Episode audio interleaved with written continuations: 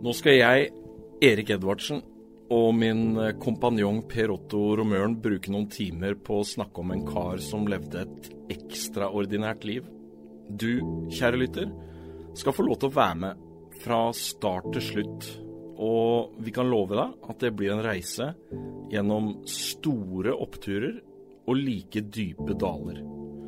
Gjennom triumfer sammen med de store polfarernavnene til en brutal kamp mot uh, alkoholen. Fredrik Hjalmar Johansen, født 15. mai 1867, var også både norgesmester og verdensmester i turn.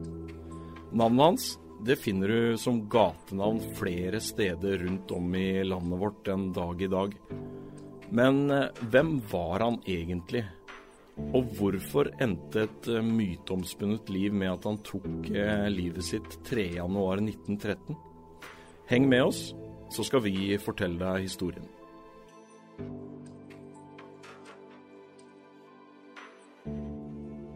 Ja, Proto, da sitter vi, sitter vi her igjen og skal i gang med den siste episoden i historien vår om uh, Hjalmar. Og i slutten av episode tre, som vi skal fortsette fra nå, så er vi jo på en måte Da er vi nede i mørkets dal, skal vi kalle det det?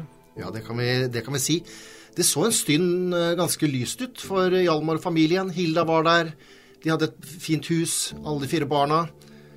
Så det første året, når vi er fra 02 til 03, så, så går det ganske bra. Han prøver å opprettholde et sosialt liv og i offiserstand, ikke sant. Så han legger lista litt høyt rent sånt sosialt-kulturelt, mm. og prøver å holde stand.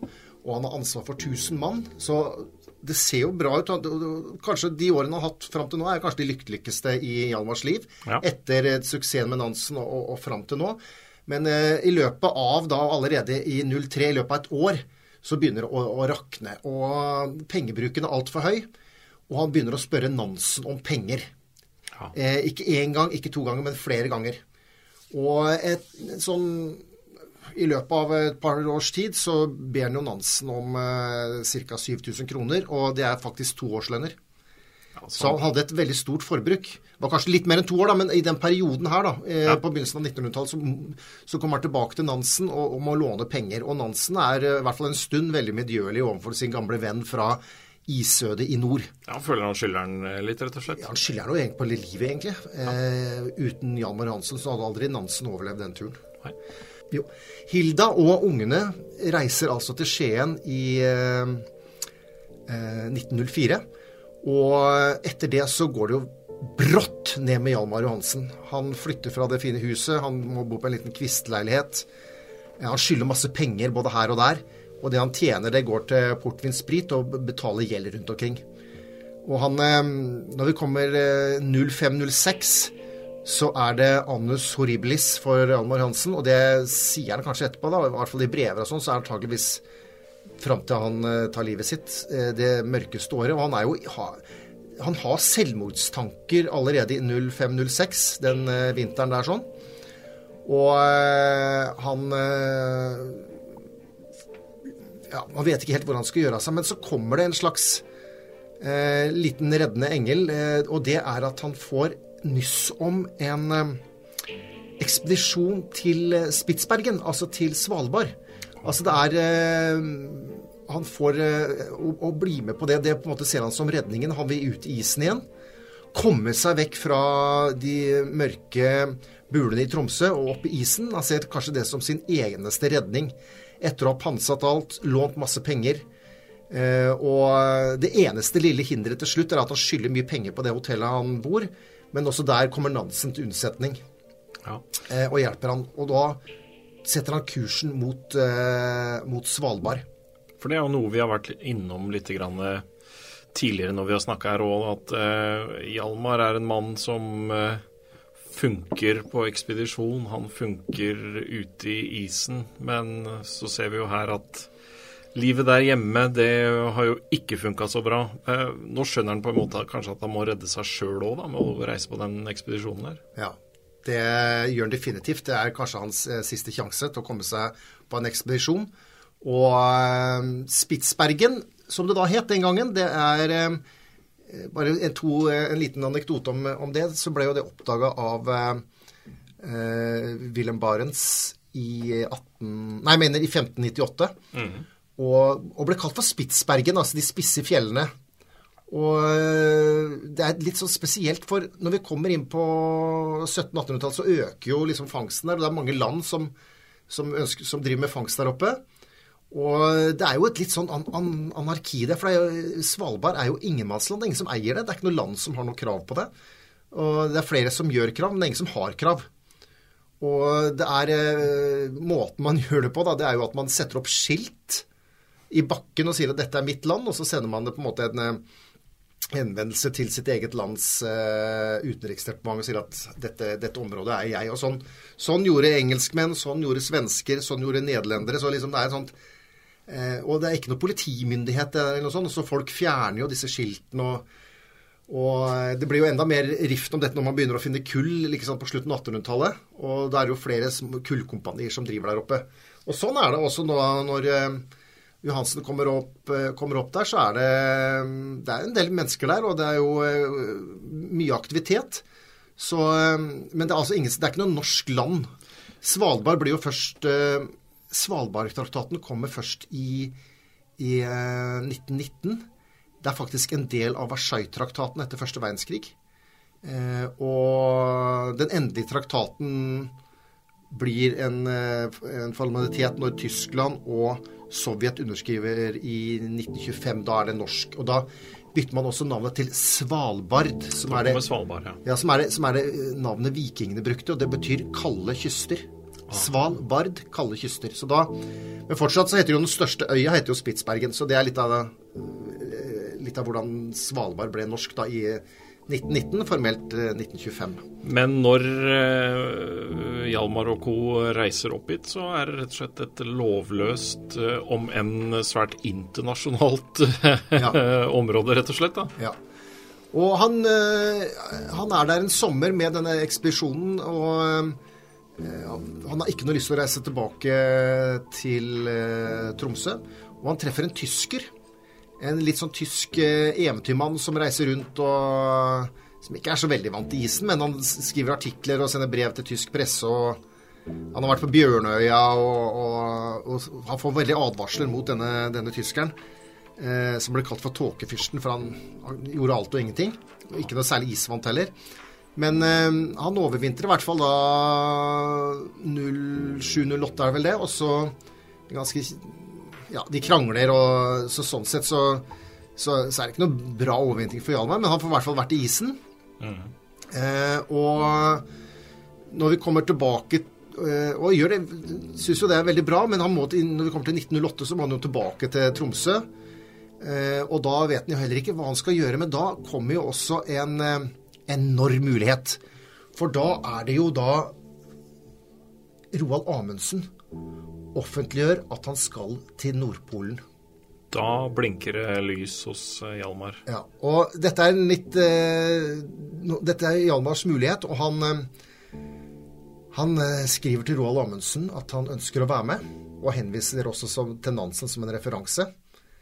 Og setter på en måte Amundsen litt sjakkmatt, for Roald Amundsen har fått låne fram av Nansen. Så han skylder han litt. For det var liksom eh, noe av, av, dealen, at Nansen lånte da fram til Roald Amundsen. Og derfor så føler kanskje Amundsen at han må ta med Møre Hansen som en slags takk. Og at Nansen på en måte er med på turen uansett. Mm. Og dette var, dette var en Nordpolekspedisjon som eh, skulle gjøre veldig mye vitenskapelige eh, undersøkelser. Det var en del av Nansens eh, eh krav til, til, Amundsen. Men Amundsen ville jo til Nordpolen. Så det lå liksom i planene at det var både vitenskap og Nordpolen, for ingen hadde foreløpig vært på Nordpolen. Nei. Uh, Amundsen, han, uh, han kommer vel inn i polarhistorien sånn på slutten av uh, eh, 1800-tallet. han kom fra Stange i Østfold, veldig, kom fra en fornem familie. men ikke så akademisk og vitenskapelig anlagt som Nansen. Men eh, en sta, en sta mann, en eventyrer, og hans første gang vi liksom, han trår inn, det er altså i 1898-99. hvor han er med en belgisk ekspedisjon som heter på båten Belgica. Og det er en eh, ekspedisjon til sydover, eh, mot sydisen. Og det blir kalt i ettertid 'Ekspedisjonen fra helvete'.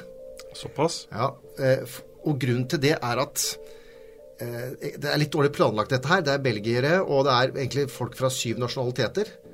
Så det er et Babels tårn i forhold til språk. Mye som kan gå gærent. Ja.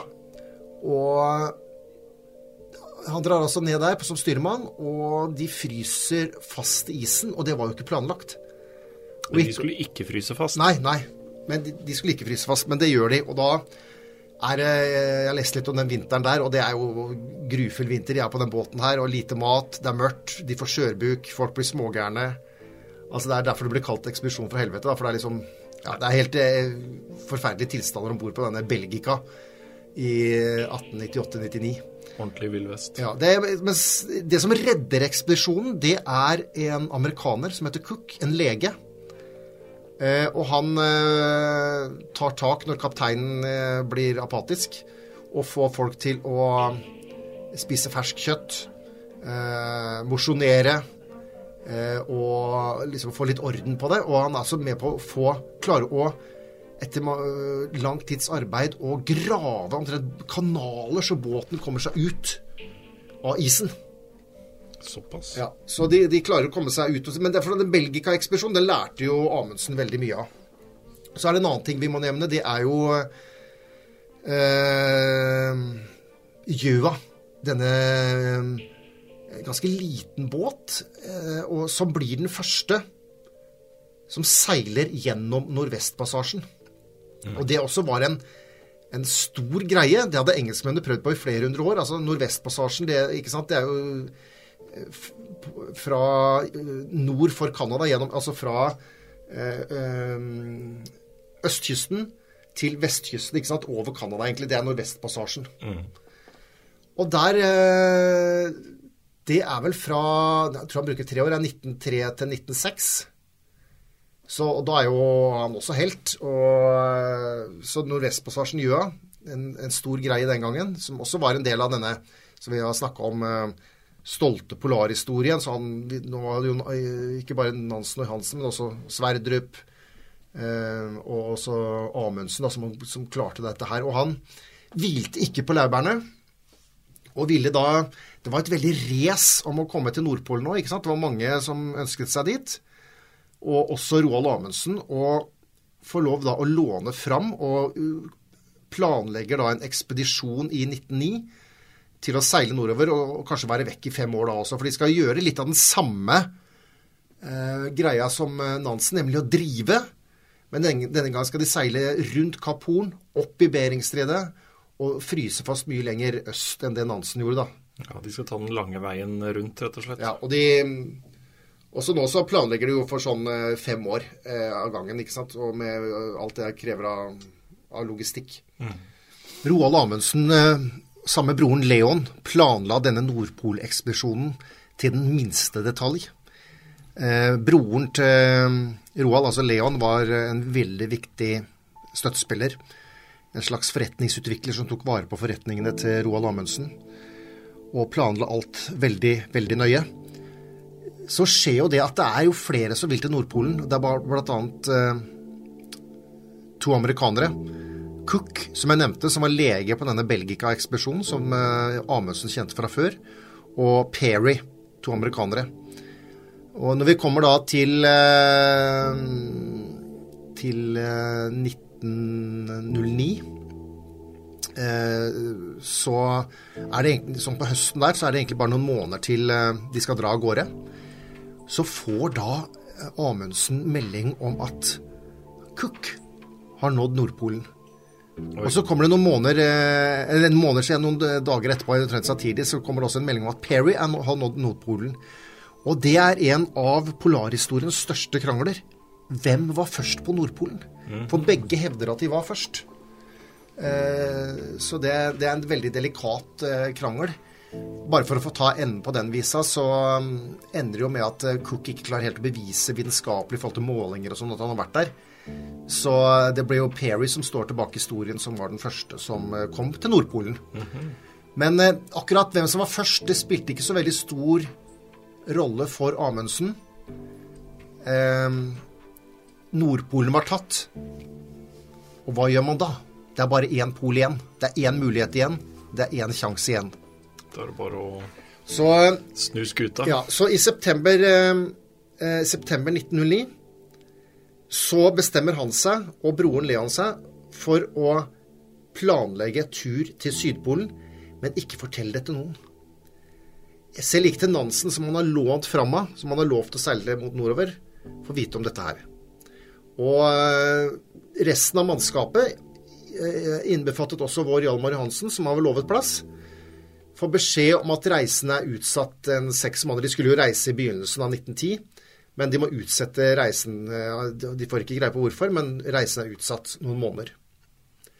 Og eh, det er veldig få som får greie på dette her. Det er styrmannen eh, og kaptein på Fram får greie på det, og noen veldig få til. Ellers er det ingen som vet om det.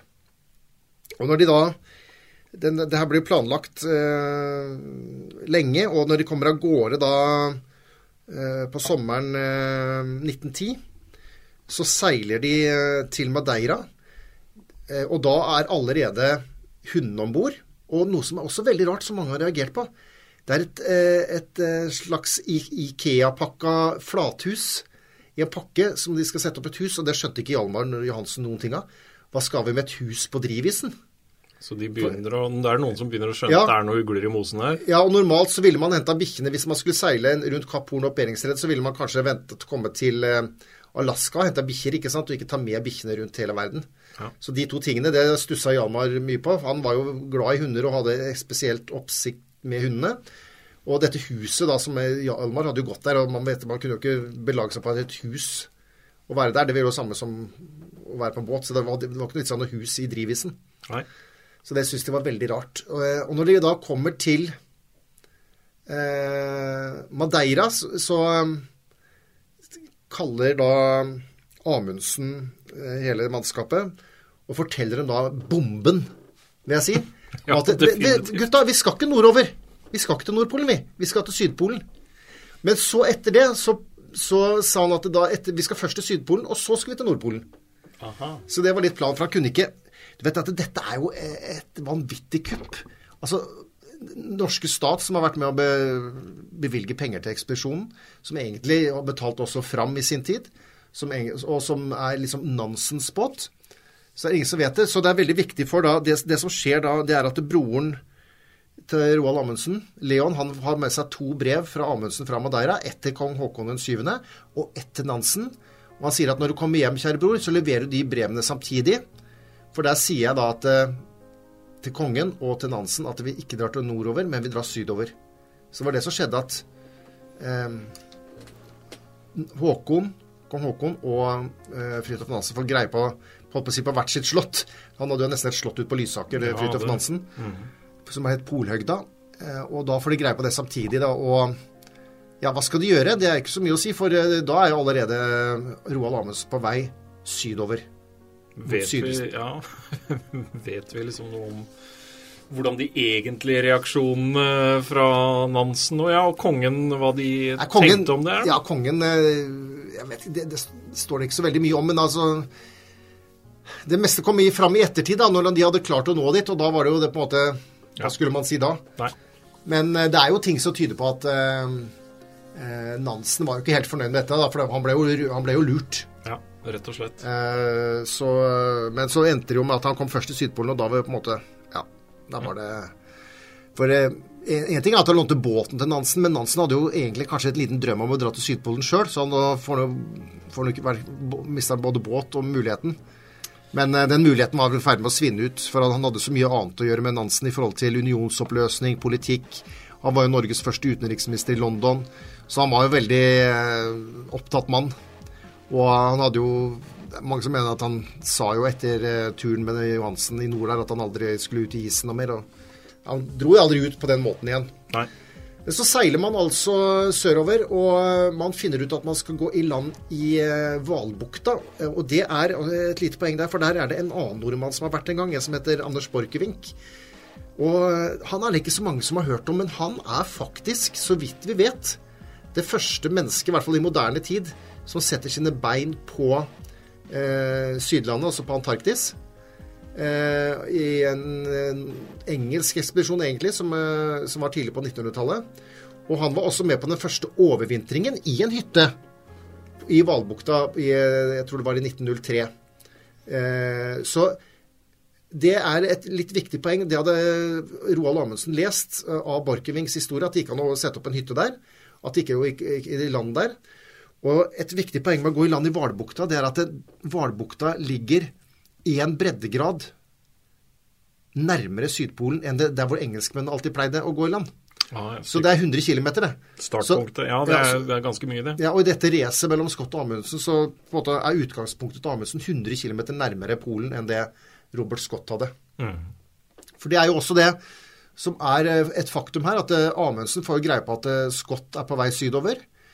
Eh, og eh, har det veldig travelt med å komme i gang. Eh, det er jo en annen engelsk ire som het Shackleton, som hadde vært egentlig veldig nærme. Han var egentlig bare eh, 180 km unna po Sydpolen noen år tidligere, og hadde kommet veldig nærme. Og, de, da visste de også at det, selve Sydpolen ligger jo på et veldig høydeplatå, nesten 3000 meter over havet. Så du må komme deg fra eh, iskanten, ikke sant, og oppover, opp, opp på isplatået. Når du først er oppe på det platået, så er det ganske flatt og fint. Ja.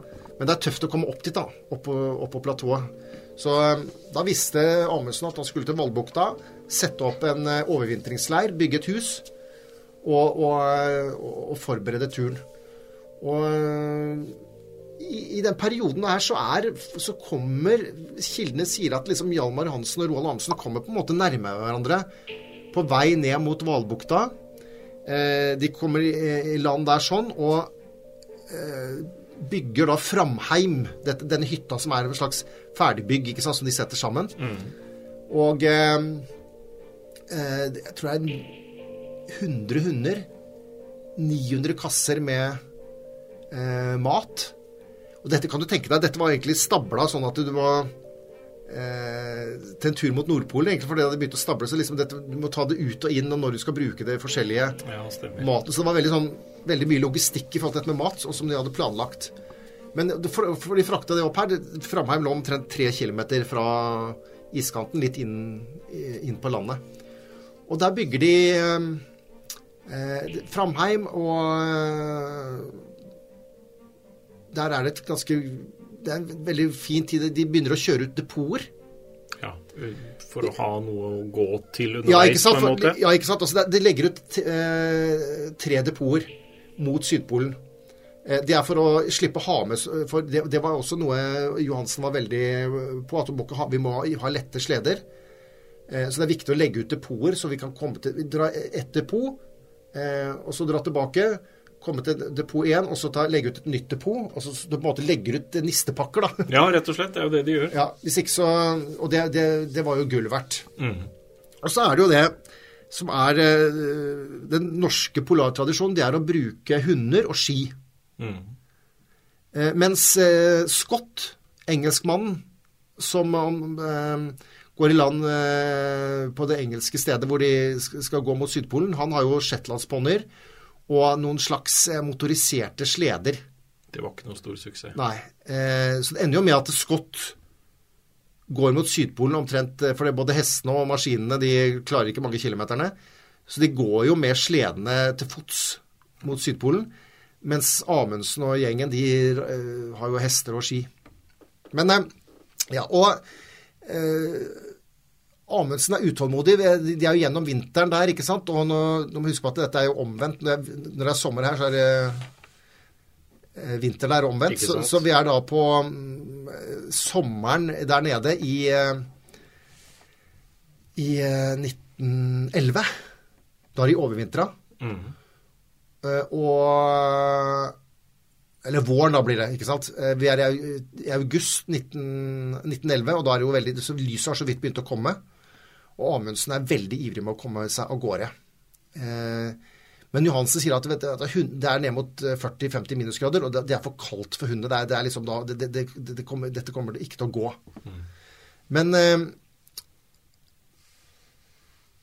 Amundsen er besatt av å komme først til Sydpolen. Han skal slå skott. Så eh, de gjør seg klare og setter kursen mot Sydpolen i august eh, 1911. Som er tidlig vår der nede, ikke sant? Og eh, etter bare noen dager så er det over 50 minus isende vind. Og de kommer til det første depotet, og Amundsen skjønner at dette går jo ikke. Altså det, er, det blåser, vi, vi, kommer aldri til å klare det. Vi må snu. Og det er da denne episoden som er, eh, som har blitt veldig kjent, nemlig de bestemmer seg for å snu. Men så er det da på vei tilbake til Framheim. Fra depotet under denne stormen her, så er det mer sånn førstemann til mølla. Altså, Amundsen bare raser av gårde med det beste hundesledet, og de andre følger på. Og det er jo eh, eh, Ja, det er liksom helt ustrukturert og helt kaos, og det er, det er liksom om å gjøre å klare seg sjøl. Og bakerst så er jo eh, eh, Presterud, han er en av deltakerne, han er kanskje, jeg tror han faktisk er den yngste, som har veldig lite erfaring fra, fra isen.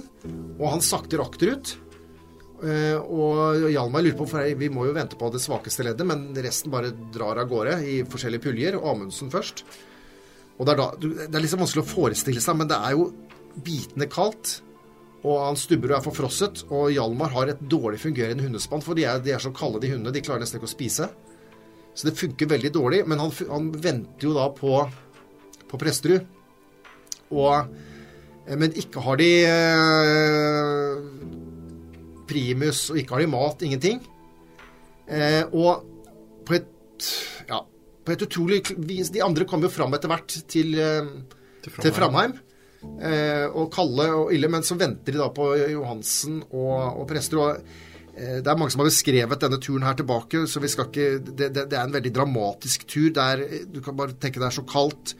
Eh, forfrosne, sultne ikke sant? Og det er, nesten, det er liksom et under. Og det er ikke noe tvil om at det er Hjalmar Johansen som redder Presterud, og redder han for, at, han for døden. Mm.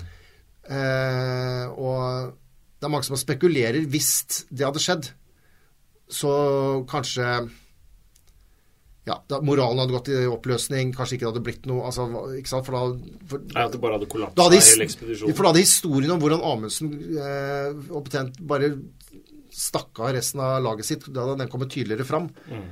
For det gjør den dessverre ikke. Men det som skjer nå, det er jo de kommer inn i Framheim. De får drukket litt kaffe, og det er jo han berømte polkokken Lindstrøm som lager da pannekaker, og de spiser, og de er utslitte. Men så om frokosten dagen etter. Og det, det er egentlig ingen som er helt sikker på hva som skjedde, da. Men det er Nans, nei, Johansen er veldig forbanna. Og han roper i hvert fall ut til eh, Amundsen Dette kaller jeg ikke noe ekspedisjon. Det er bare panikk. Såpass. Ja, kritiserer han, og det, er jo, det står jo at det blir hongemeng og slåsskamp der nå, men det, det er liksom det kildene ja, Spriker litt. Det er spriker litt av hva som egentlig, egentlig, skjedde, men det ble i hvert fall et veldig oppgjør. Jan Mar Hansen tar et oppgjør med hvordan sjefen lot gutta sine i stikken, hvordan han bare stakk av, eh, hvorfor han ikke hørte på at de dro for tidlig mot polpunktet. Ikke sant? Han går virkelig i, i strupen på Amundsen, med rette. Og han håper jo på at noen av gutta skal backe han, ikke sant. Mm. Men de sitter jo redde som eh, lam der og liksom er livredde for Amundsen. Så han får, han får ikke noe oppbacking, enda han vet at de er på hans lag. På hans side. Ja. Ja. Og det er det som er det som skjer der den dagen der, det er det som på en måte definerer resten av Hjalmar Hansens liv. Det vil jeg nesten påstå. For det, etter det så øh, blir det allerede det samme. For han får ikke lov til å være med på neste tur mot Sydpolen som de starter i oktober, altså halvannen måned etterpå. Da er han, da er Hjalmar Johansen svartlista. Han vil ikke ha med Hjalmar Johansen fordi han satte seg uh, mot han. Og senere så kaller jo Amundsen dette for et mytteri. Ja, det går så eh, langt. ja, ja, ja. Jeg kommer tilbake til det. Men så når da Når det, er fem mann som går mot Sydpolen i oktober 1911 Da er Hjalmar igjen sammen med bl.a. Presterud, eh, og de blir satt til å ta noen små ekspedisjoner mot eh, Edvard 7.s land, gjøre litt sånn, så de er i aktivitet. Men han får altså ikke være med mot Sydpolen. Og eh, Amundsen når Sydpolen eh, desember da, ikke sant, i, eh, i 1911. Og kommer da til polpunktet, og der er det jo ikke noe tegn til noen engelskmann. De planter flagget, setter opp et telt og skriver et veldig omdiskutert brev til Scott, hvor han ber om å levere et brev til kong Haakon 7. for å bekrefte liksom at han er at Amundsen var først. da. Men eh, Scott kom jo aldri lenger Han kom jo aldri tilbake. Eh, de døde jo av eh, sult, underernæring. Mens eh, Amundsen kommer seg tilbake til, eh, til Framheim. Og de tilbakelegger Altså tur-retur fra Framheim til sydpunktet, det er 3000 km på 99 dager. Og de veier mer når de kommer fram, enn de dro. Så det, var, en, det var en veldig go, godt planlagt tur. Eh, det var godt vær. De hadde depoter. Eh, de hadde hunder.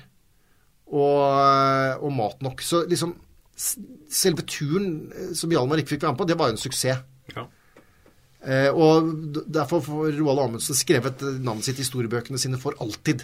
Mm, ja. Eh, men, eh, men som sagt, eh, Hjalmar får ikke være med til Sydpolen pga. dette eh, som Amundsen kalte det mytteriet. Egentlig så var det bare velbegrunna kritikk. ja, han sa ifra om hva han ikke likte, og blei straffa for det. Ja. Men hadde Presterud og Hjalmar for, eksempel, altså Hvis en de hadde dødd eller noe sånt på den, så liksom mange som mener at da hadde det ikke blitt noen Sydpolekspedisjon. For da, da, hadde, da hadde historien kommet fram at han, han var i ferd med å ofre mennene sine. Så hva Amundsen tenkte på den tilbaketuren, det er jo Det må ha gått i svart for han. Ja, rett og slett. Så det, Men så kommer jo da, når vi runder, kommer inn på 1912, eh, så kommer jo eh, Fram tilbake og henter ekspedisjonen. De har seila rundt i eh, Sydpolbassenget og gjort eh, vitenskapelige undersøkelser. Eh, de har seila en lengde som er rundt ekvator omtrent, så de har gjort, vært, på, vært på sjøen og vært i Buenos Aires i mellomtiden. Og så kommer de ned og henter de. Og så seiler de da gjennom dette Rosshavet. Det kan jeg si at det er liksom området mellom Kaporn, Sør-Amerika og Australia ned mot Antarktis. Der er det liksom Der er det jo ikke noe land. Nei. Så der går jo bare vindene rundt eh, helt nederst på eh, før du kommer ned til isen. Så det er kanskje et av de tøffeste havområdene i, i, i verden. Det er Rosshavet. der kan du få litt bank. Der kan du få litt bank, og det, det, tok, det tok jo noen uker. Jeg tror det tok- tok fire uker eller fem uker å komme seg fra eh, Fra Framheim eh, i Hvalbukta til Tasmania. Det, Tasmania er jo en liten øy sør for Australia. Og der er det Det er dit de kommer. Og da er det Ja, to ord om det. Da er jo Amundsen veldig opptatt av å å få få telegrafert til eh, kong Haakon og avisene at han er først på Sydpolen. Eh, og han eh, gjør jo det, og Hjalmar har da bestemt seg for å mønstre av. Han orker ikke å være med eh, Amundsen mer. Nei, for han vil, han, Han vil hjem. Han vil hjem. Han vil Ja, ha han, ja, og han vet jo ikke om det blir noen den tur til Nordpolen, så han vil hjem. Så han, det Hjalmar gjør, er at han, han eh, får 600 kroner og klær av Amundsen. Eh, og eh, Amundsen kom deg av gårde, vil ikke ha deg på båten. Eh, men det vil jo ikke Hjalmar heller, da. Så han, han Egentlig så mønstrer han på en båt som skal til London med frukt, innom Melbourne. Eh, men eh, ja eh, Johansen kom jo i Melbourne, og han Nå havner han jo på alkoholgaleien igjen. Ja. Så han må jo få hjelp av Utenriksdepartementet for å komme hjem fra Melbourne med båt til Nederland, jeg tror det var Antwerpen. Og der også roter han vekk pengene sine, og, eh, men allikevel får hjelp til å komme hjem da til, til Norge. Og han er jo den første fra ekspedisjon som kommer til Norge. ja, han kommer før de andre. Ja, Men dette har jo også Amundsen tenkt på, og har skrevet eh, telegraf til alle aviser, i hvert fall i hovedstaden, og også andre, at det er strengt forbudt å snakke med Hjalmar Johansen. Det er strengt forbudt å ha noen intervjuer med ham, og ingenting skal offentliggjøres. Eh, og gjennom sine kontakter så gjør da Roald Amundsen Hjalmar Johansen til en persona non grata. En person som ikke fins. Ingen vil snakke med den. Eh, han er luft. Eh, og det lille som ble sagt, annet jeg tror han, når han kom, Det første stedet var faktisk Sandefjord, og da var det en reporter fra Sandefjord Blad. Og, da, og Hjalmar var jo lojal til det gjaldt. Han ville ikke si, Den eneste han ville fortelle sannheten til, var Nansen, som var liksom fast på bestemt på å komme til Å møte ham. ja. Så han sier jo til den reporteren i Sandefjord Blad at nei, det var eh, Amundsen var grei og alt sånt. ikke sant? For Han forteller ikke historien. Men så, eh, så han tier jo og eh, Vi er jo, ikke sant Kommer hjem da ut på 1912 og eh, flytter inn på et hotell på Egertorvet. Han drar ikke tilbake til Skien, det tør han ikke. Han eh, eh, han ble på en måte litt uglesett annet av faren til Hilda Øvrum. Eh, Så han drar ikke tilbake til Skien, eh, og han går, blir vandrende altså i, i 1912 her, rundt i byen. Eh, og han, eh, dette hotellet på Egertorvet, han blir eh, kasta ut derfra og finner et lite sånn derre bitte lite krypinn eh, nede i Vika, som var kanskje Oslo, Kristianias mest eh, belasta område. Mye kneiper og greier. Så han lever jo et fra hånd til munn og om Ja. eh, Nå er det liksom, nå er vi tilbake til tilstand fra Tromsø når, vi, når han kommer hjem i 1912. Det går Han har jo ingenting. Ja, jeg skulle til å si at nå har mørket mørket senker Ja, seg og ja. når kommer resten av ekspedisjonen hjem, og det er stor gallamiddag på Slottet Alle ekspedisjonens medlemmer blir invitert, men ikke Hjalmar. Nei. Eh, det, det må jo være, vært helt grusomt. Han var jo, han var jo med, ikke sant? Ja, ja. Og selv de som ikke var med på, til Sydpolen, og, de som var med fram når de andre var på Sydpolen, så var, alle var jo invitert men, og fikk medaljer. Men ikke Hjalmar. Han var den eneste som ikke ble, ble invitert. Eh, Rett og så, slett svartelista. ja, og sånn, sånn gikk hele sommeren 1912 og høsten 1912, hvor eh, Amundsen og broren og ja, egentlig alle fra ekspedisjonen. Han fikk heller ikke noe hjelp av sine kompiser, som støtta noe særlig. Så, for de tenkte jo på sine, sine penger og ettermæle og, og sola, sola seg i glansen. Så han ble jo på en måte svikta av alle. Altså. Så det er, veldig, det er det som er litt sånn trist med denne historien. Eh, han har jo på en måte det vi har sett, han har, altså, Du har jo selv ansvar for å ikke drikke, og du har selv ansvar for å skjøte deg bra. da. Så man skal jo ikke liksom undervurdere det, men allikevel liksom det, det sviket særlig dette på slutten her, det var jo det som tok eh, knekken på den. Og eh, utover høsten eh, 1912 så så eh, ja, han går gatelangs i byen, og, og når vi kommer til november-desember, så er det en gammel venn av han som han kjente fra Svalbard eh, når han var der oppe, som har hørt, fått tips av eh, noen som er glad i Hjalmar, at det går veldig dårlig med han. Så han kommer ned da til denne kvisten Egentlig så er det ikke en kvist. Han, jeg tror han de, leier en, et rom med et forheng til kjøkkenet til det, han leier liksom. Så det er liksom ikke noe rom heller. Og der har han eh, barbersaker. Det er vel alt han eier.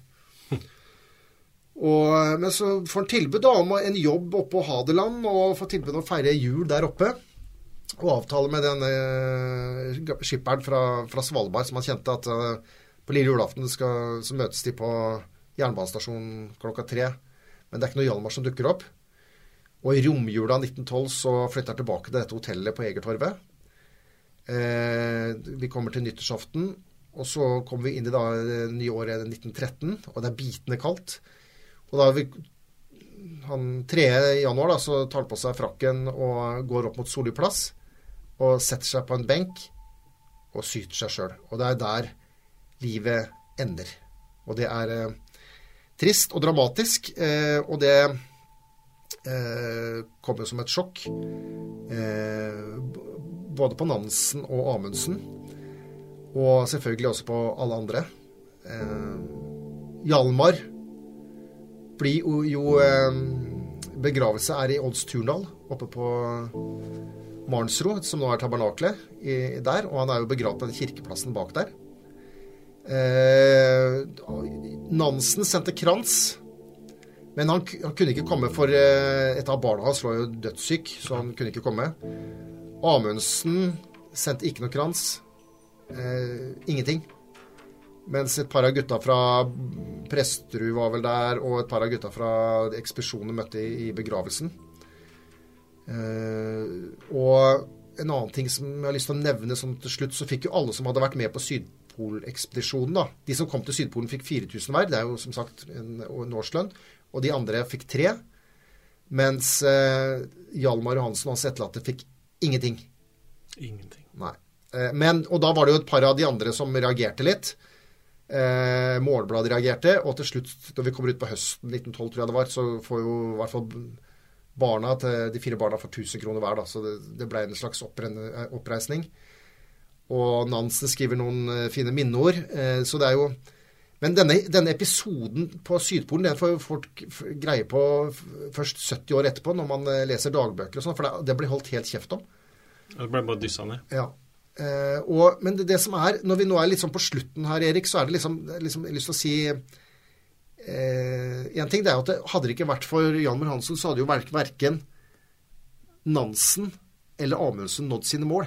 Nei. Så det er som Ragnar Kvam jr. Eh, kaller boken sin 'Den tredje mann'. Han var liksom den tredje mann. Han var med de store. Og, og på en måte redda de, mens eh, mye av livet hans, og spesielt til slutten, fikk en tragisk ende fordi han på en måte han ble svikta og dolka i ryggen av eh, Amundsen. Det er kanskje litt tøft å si, men han ble jo det. Ja. Selv om Amundsen skal være for at han gjorde mye, men han, han var jo oppførte seg ikke akkurat veldig bra da. Og det har jo vært eh, en eh, spesielt å havne ned i eh, livet til Jan Mario Hansen, Erik. Hva, hva tar du med deg på den, det vi har vært igjennom? Nei, vi snakka jo om før vi skulle starte og underveis, og jeg sier det vel i denne innledningen som vi har til de episodene her òg, at det er de store oppturene, og det er de like dype bølgedalene, og det blir vel kanskje veldig godt illustrert med hvordan det hele ender for Hjalmar. da, En mann som står igjen dolka i ryggen, som du sier, uten noen ting. Uten nåla i veggen, ikke noe framtid. Eh, ser ikke noe vei ut, kanskje. Og så ender det der det ender. Det er jo en stor tragedie. Det som er bra, da, så har jo på en måte Hjalmar fått en liten renessanse i vår tid. Vi har den flotte statuen i Lundedalen hvor det blir markert 15. mai hvert år. Han er bursdagen hans.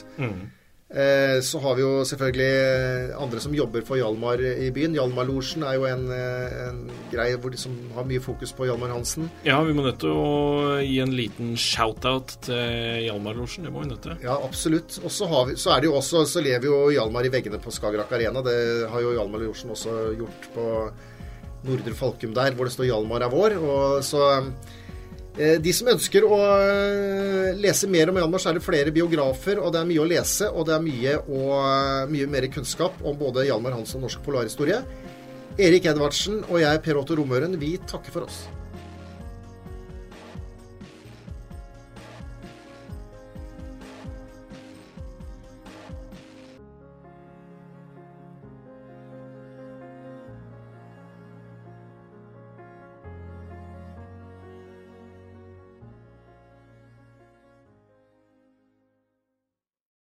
Har du et enkeltpersonforetak eller en liten bedrift? Da er du sikkert lei av å høre meg snakke om hvor enkelt det er med kvitteringer og bilag i fiken, så vi eh, gir oss her, vi.